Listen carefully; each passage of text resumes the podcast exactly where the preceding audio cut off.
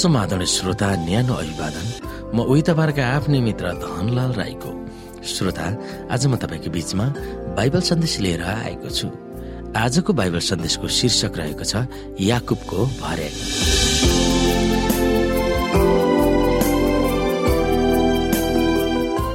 श्रोता साथी याकुबले आफ्नो बाबुबाट आशिष अधिकार पाएको र आफूलाई धोका दिएर जेठो छोराको अधिकार उनले खोसेको थाहा पाउने बित्तिकै उनले याकुबलाई मार्न चाहेका थिए। दाजुभाइको हत्यालाई रिबेकाले हेर्न चाहिनन् र उनी त्यसप्रति चिन्तित भइन्।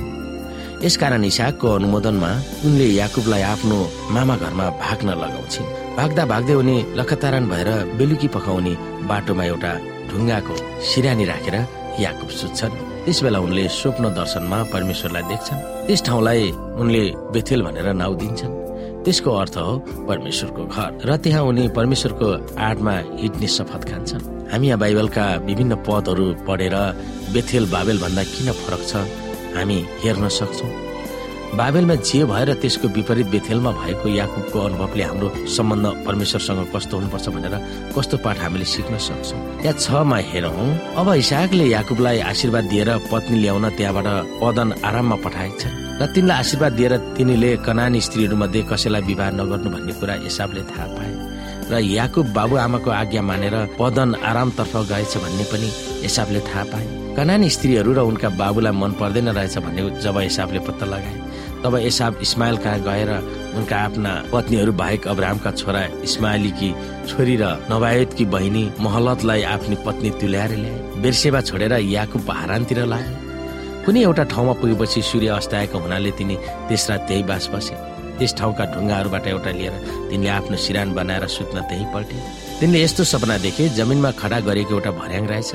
र त्यसको टुप्पा चाहिँ आकाशसम्म पुगेको रहेछ। र परमेश्वरका दूतहरू त्यसमा उक्लने र ओर्लने गर्दा रहेछ परमेश्वर त्यसमाथि उभिनु भयो र याकुबलाई भन्नुभयो म परमप्रभु तिम्रा अब्राहमका परमेश्वर र इसाकका परमेश्वर हुँ। जुन भूमिमा तिमी ढल्किरहेका छौ त्यो म तिमीलाई र तिम्रा सन्तानलाई दिनेछु। तिम्रा सन्तान पृथ्वीको धुलो सरफ हुनेछ पूर्व पश्चिम उत्तर दक्षिणतिर फैलिएर तिमी जानेछौ। तिमी र तिम्रा सन्तानहरूद्वारा नै पृथ्वीका सबै मानिसहरू आशीर्वादी हुनेछन्। हेर म तिमीसँग छु र तिमी जहाँसुकै गए तापनि तिमीलाई रक्षा गर्नेछु र तिमीलाई यस ठाउँमा फर्काएर ल्याउनेछु। मैले तिमीलाई भनेको कुरा पुरा नगुरुन्जेल म तिमीलाई छोड्ने छैन। तब याकुब निन्द्राबाट बिउजेर भने निश्चय नै यस ठाउँमा परमेश्वर हुँदो रहेछ र यो मलाई थाहा थिएन। तिनी साह्रै डराएर तिनले भने यो ठाउँ कस्तो भययोग्य रहेछ। यो त परमेश्वरको घर बाहेक अरू केही होइन रहेछ। यो त स्वर्गको ढोका पो रहेछ। याकुब बिहान सबेरै उठेर आफूले सिरान बनाएको ढुङ्गा लिएर खामा जस्तै गरी खडा गरेर त्यसको टुप्पोमा तेल खन्याए। तिनले त्यस ठाउँको नाउँ बेथेल राखे। पहिले त्यस ठाउँको नाउँ लुज थियो।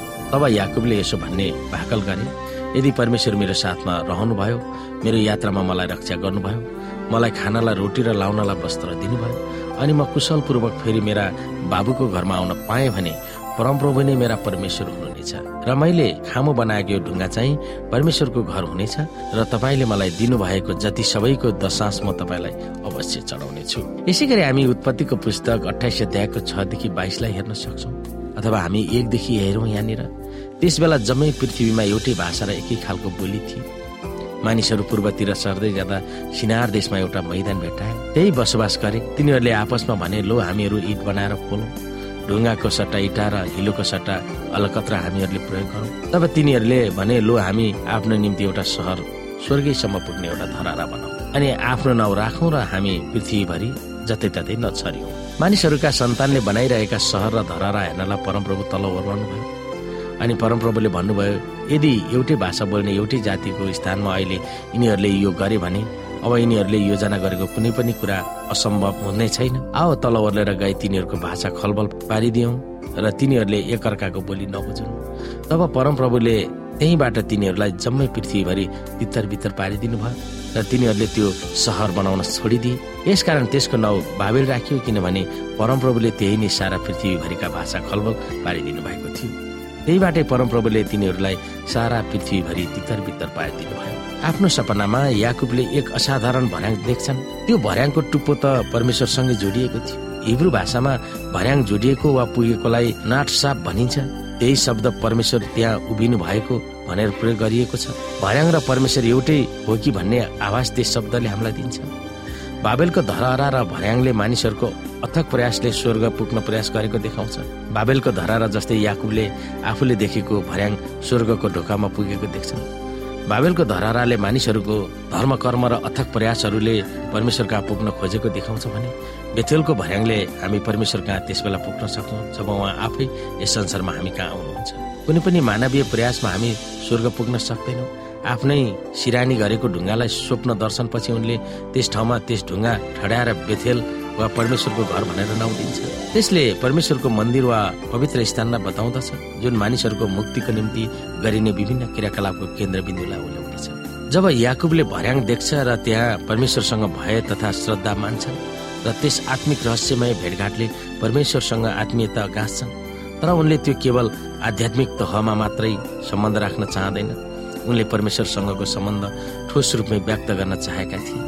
यसकारण उनले कमाएको सबै धन सम्पत्तिबाट दशांश दिने निर्णय गरे। त्यो निर्णय परमेश्वरसँग सम्बन्ध भएको भित्री निर्णयको प्रत्यक्ष प्रमाण थियो। परमेश्वरबाट आशिष पाउनको निम्ति उनले दशांश दिने निर्णय गरेका थिएनन् तर उनलाई परमेश्वरले दिइसक्नु भएको वरदान वा उपहारप्रति उनी आभारित भएर दिने निर्णय गरेका थिए। इजरायलको राष्ट्र खडा हुनुभन्दा धेरै वर्ष अघि नै दशांशको चलन भएको हामी यहाँ देख्छौँ।